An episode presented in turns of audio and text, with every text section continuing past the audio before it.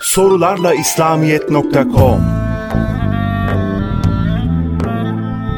Hz. Zekeriya'nın testereyle kesilmesi, Hz. Yahya'nın kesilmesi, Hz. İsmail'in kurban edilmesi, çocukların psikolojisini kötü etkilemez mi? Çocuklara nasıl anlatmalıyız bunları?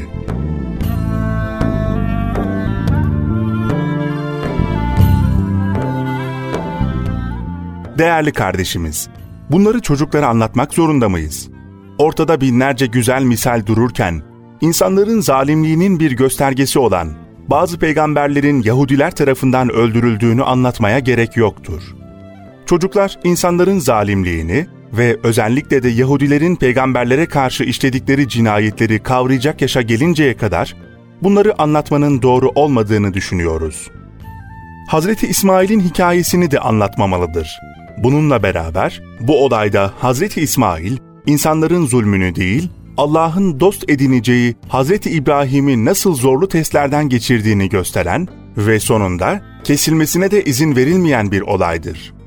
Her dediğin doğru olmalı fakat her doğruyu söylemek doğru değildir prensibine azami riayet etmek gerekir. Önemli olan muhatabın kalbini tamir etmektir. Tahribat yapan konuları anlatmak bu hikmete aykırıdır. Büyüklere bile çok az anlatılan bu konuları çocuklara anlatmanın hiçbir manası yoktur.